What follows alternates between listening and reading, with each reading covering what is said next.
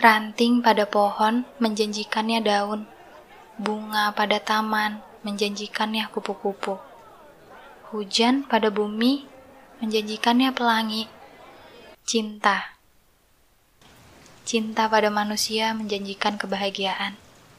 Hm, begitu kata orang-orang. Tunggu sebentar lagi.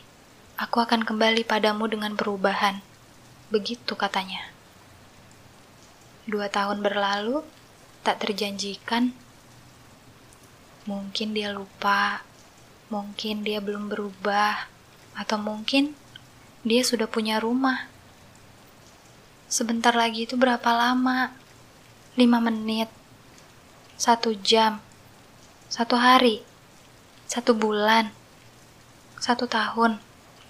Katamu sebentar lagi. Kaki tetap melangkah, Waktu tetap berjalan, musim terus berlalu. Aku masih di situ. Sebentar lagi itu berapa lama?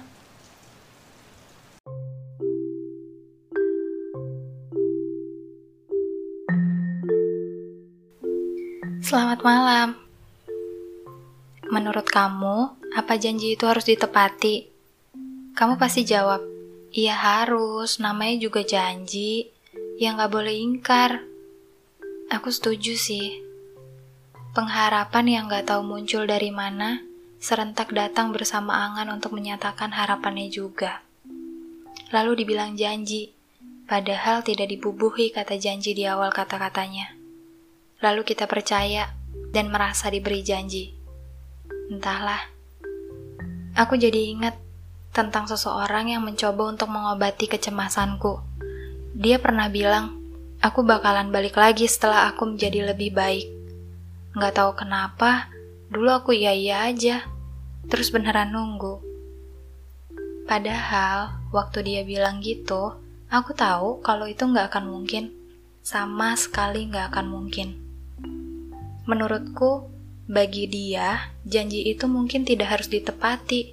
Mungkin ya, janji itu hanya untuk mengobati dia cuma mau bikin aku tenang, mengobati rasa penasaran aku akan masa depan.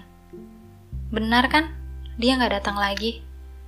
Atau mungkin dia nggak berubah menjadi lebih baik, sesuai kata-katanya dulu. Ternyata, kita bisa menilai janji itu hanya dengan ucapan, meski kata janji itu nggak pernah terucap. Yang sudah dijanjikan saja belum tentu hasilnya terjanjikan. Janji yang pasti itu ya cuma milik Tuhan nggak menyalahkan soal janji, karena bentuk janji kan banyak. Yang mau aku bahas di podcast ini, soal kata-kata yang diberikan orang lain sama kita, lalu kita berharap dan menyebutnya sebagai janji. Padahal bukan janji sebenarnya. Anggap saja ini kesalahpahaman terkecil yang besar. Tapi kalau orang itu nggak bilang gitu, aku nggak pernah ngerasain nunggu yang aku udah tahu endingnya kayak apa. Itu sama kayak kita udah lihat awan mendung banget, udah kedengar suara petirnya, udah tahu bakalan hujan, eh kita malah maksa buat keluar tanpa bawa payung. Ya basah. Tapi emang gitu kan manusia. Udah terbersit bahkan udah tahu endingnya bakalan kayak apa. Tapi masih aja tetap diharap. Ya, sama kayak balikan sama mantan. Udah tahu kalau balikan itu endingnya bakalan sama, tapi masih aja mau diajak balikan. Karena yang kita punya cuma harapan.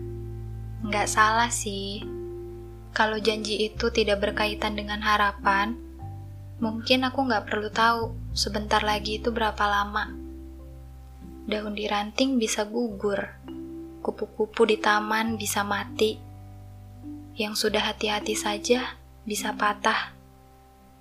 Terserah kamu mau nanggepinnya gimana itu urusanmu.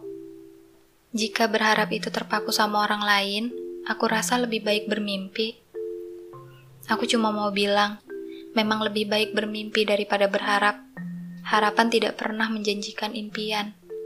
Karena impian emang harus diwujudkan. Setuju?